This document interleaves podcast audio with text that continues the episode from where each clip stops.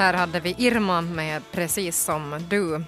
Nu ska vi iväg eh, bort från studion här i Ekenäs och till Ingo, till Hagalandet, där de har växthus eh, och man undrar ju då att hur mycket verksamhet kan man hålla på med i ett växthus när det är så här kallt ute.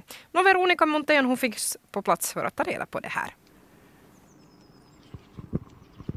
Ja, vi åkte iväg med tekniker Toffe mot, från Ekenäs eh, mot Ingåhållet och så alltså, vänder man in vid Västankvarn på den här eh, lilla slingriga vägen och så ser man en skylt till höger där det står Hagalandet. Så kommer man in på en sån här, ja det är en sån här gårdsmiljö. En massa uthus, röda med vita knutar, väldigt i klassisk stil. Och här finns också en hel hop med växthus. Jag ser en, en skorsten här och det, det ryker faktiskt hej vilt från den här skorstenen just nu. Det syns extra bra eftersom här är, ja jag gissar att det är ungefär minus 17, minus 18 grader men om jag tar mig in här i ett av de här växthusen, åh, oj vad här är varmt och skönt. Oh, en betydlig skillnad från, från temperaturen där ute. Här kommer jag in, här ser jag en massa säckar, gula säckar. Jag tror att det finns mylla i de här. En hel, en hel hög och här har vi en sån här plexidörr som viftar upp. Hej! Här har vi två stycken hundar som tar emot mig. Här på Hagalandet. Och här finns bord. Bord som är fyllda med, ja det är krukor. Jag ser inget grönt här faktiskt just nu. Det är alltså hit som, som folk kommer, ja på andra tider om året och, och köper blommor till Hagalandet i Ingo. Men vad händer här nu, Ann-Charlotte Castell? Nu när det är ungefär minus 20, minus 18 där utanför, vad gör ni nu här inne i växthuset? nu är förberedelserna i full gång för att fylla krukor och vi fyller amplar för nästa vecka så kommer de här första plantorna hit och då börjar det bli grönt och skönt här. Nu är det mest brunt. Den här myllan, vad, vad håller du på just nu här? Jag fyller jord i, i krukor och, ja, och i amplar för det som vi ska plantera i. För det är viktigt att man har förberett sig för det är ganska hektiskt när det sätter igång här.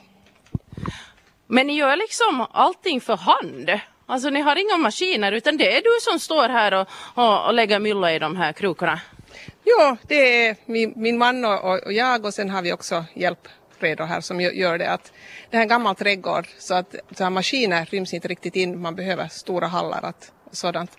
Att vi har valt att bevara den här miljön här och det går nog rätt snabbt. Men det låter jättearbetsdrygt. Hur klarar ni av det? Hur, hur många sa du att, att ni är här? No just nu så är vi eh, tre här men att vi kommer att ha vara kommer, mm, tre och en halv till här från och med första april. Just det. Och de här plantorna, vad, vad kommer här att växa i de, de här krukorna sen när, när det blir grönt och skönt? No här, I det här huset kommer det pelargoner och sen kommer det lite petunior kommer det här och, och diverse blandningsamplar blir här. Men att nästa vecka kommer också de här underbara violerna, små fröplantorna och, och panser också. Hur känns det för dig så här att, att sätta igång allting så här på, ja det är ju inte vår ännu utan det är ju faktiskt vinter. Oj, jag har nog så vårkänslor och det här är, det är nog den bästa tiden på hela året. I februari när fåglarna börjar kvittra och det är sportlov och det börjar igen. Det kliar nog i fingrarna. Men det är ju rejält kallt som jag har upprepat här flera gånger faktiskt redan. Vad gör det med tanke på ert arbete och blommorna? No, det här kalla så det, det har liksom två sidor. Att förstås den ena sidan är att det blir ganska upp, mycket att värma upp och kostnaderna blir ju därefter. Men den andra positiva saken är att när det är kallt så är det oftast sol och den här solen är oerhört viktig för odlingen. Plantorna mår mycket bra av den. Och nu är det då meningen att plantorna ska komma och så ska det börja växa. Men när tar ni emot kunderna sen? No, det är när vi har blommor färdiga som börjar blomma. Det är nog i medlet på april, att kanske där kring 10, tolfte ungefär så brukar vi öppna försäljningen. Eh, finns det någon äh, väderlek som nu skulle vara det optimala? Nu har vi kallt. Finns det något önskemål från, från din sida? Det skulle kunna vara så här minus 5 till minus 10 och sol på dagarna. Det, det är det absolut det bästa. Och, Solen är bra? Ja. ja.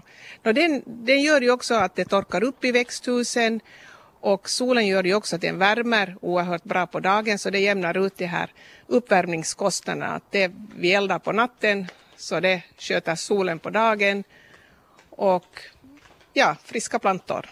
Mm. Och ni värmer upp det här då med, med flis, om jag förstått det rätt? Ja, vi har i 17 år kört med flisuppvärmning och vi är nog väldigt nöjda med det. Har du några uppgifter om hur mycket flis det går åt då, så här en, en sån här på ett ungefär? Det har jag, jag har inte nu uppgifter och det är väldigt, väldigt varierande. Att har vi plusgrader och mulet så kan det också gå, man värmer hela dagen. Att är det lagom lite minusgrader så kompenserar ju solen och sen att när det är så här kallt så, så är det ju nog fullt kör hela tiden. Nu kan jag faktiskt förstå den här vårkänslan man får. Här är då, jag är inne i ett, ett växthus, eh, plastväxthus och man bara hör det här droppande ljudet. Jag hoppas att ni också hör det för det droppar hela tiden precis, precis som det skulle vara ja, slutet av mars ungefär. Ni har tolv stycken växthus här på det här området. Hur många plantor blir det? Hur, hur många krukor?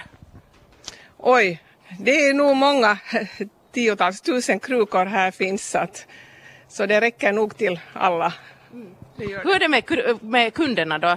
Ni har ett ganska bra läge här vid, vid Stamväg 51. Varifrån kommer kunderna när de väl kommer?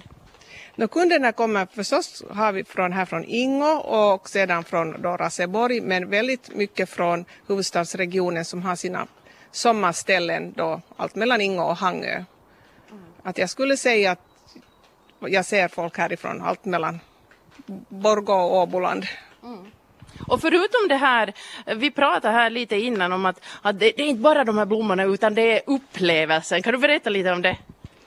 Ja, no, jag har fått höra väldigt mycket att de här barnfamiljerna kommer ju för att här finns det ju smådjur. Man kan parkera då barnen och pappan och titta på kaniner och, och höns och, och får och så får den andra mamman eller också kanske pappan gå och titta på de här blommorna. Att det är nog ett utfärdsmål, mm. det är det. Och det är ju det som är, är trenden idag, att man ska kunna erbjuda något annat i en försäljning. Mm. Nu är jag väldigt dålig på att räkna, men hur många krukor tror du att här finns nu då på det här bordet? No, här är ungefär tusen krukor. Och här på andra sidan finns sådana här mindre eh, små, små, jag, jag vet inte vad det är, behållare med, med mylla. Hörru, det där är sådana äh, eh, brätten var man sår och det här är så att vi har ett samarbete med en annan trädgård här i Ingo, det är Torrbacka som också sätter igång sina såddar här för att inte behöva värma upp ett stort växthus enkom för det hemma hos sig. Och det är ju det som är liksom fiffigt, att man värmer ett hus i gången innan man väggarna kommer emot där, sedan flyttar man till följande hus. Mm. Så nu låter jag dig fortsätta här helt enkelt. Det, det är det här du kommer syssla med idag då? Ja, ja, jag har nog ett antal tusen krukor som ska fyllas. Men att det går hur bra som helst, solen skiner där ute och här är ljust och man hör fåglar och takdropp.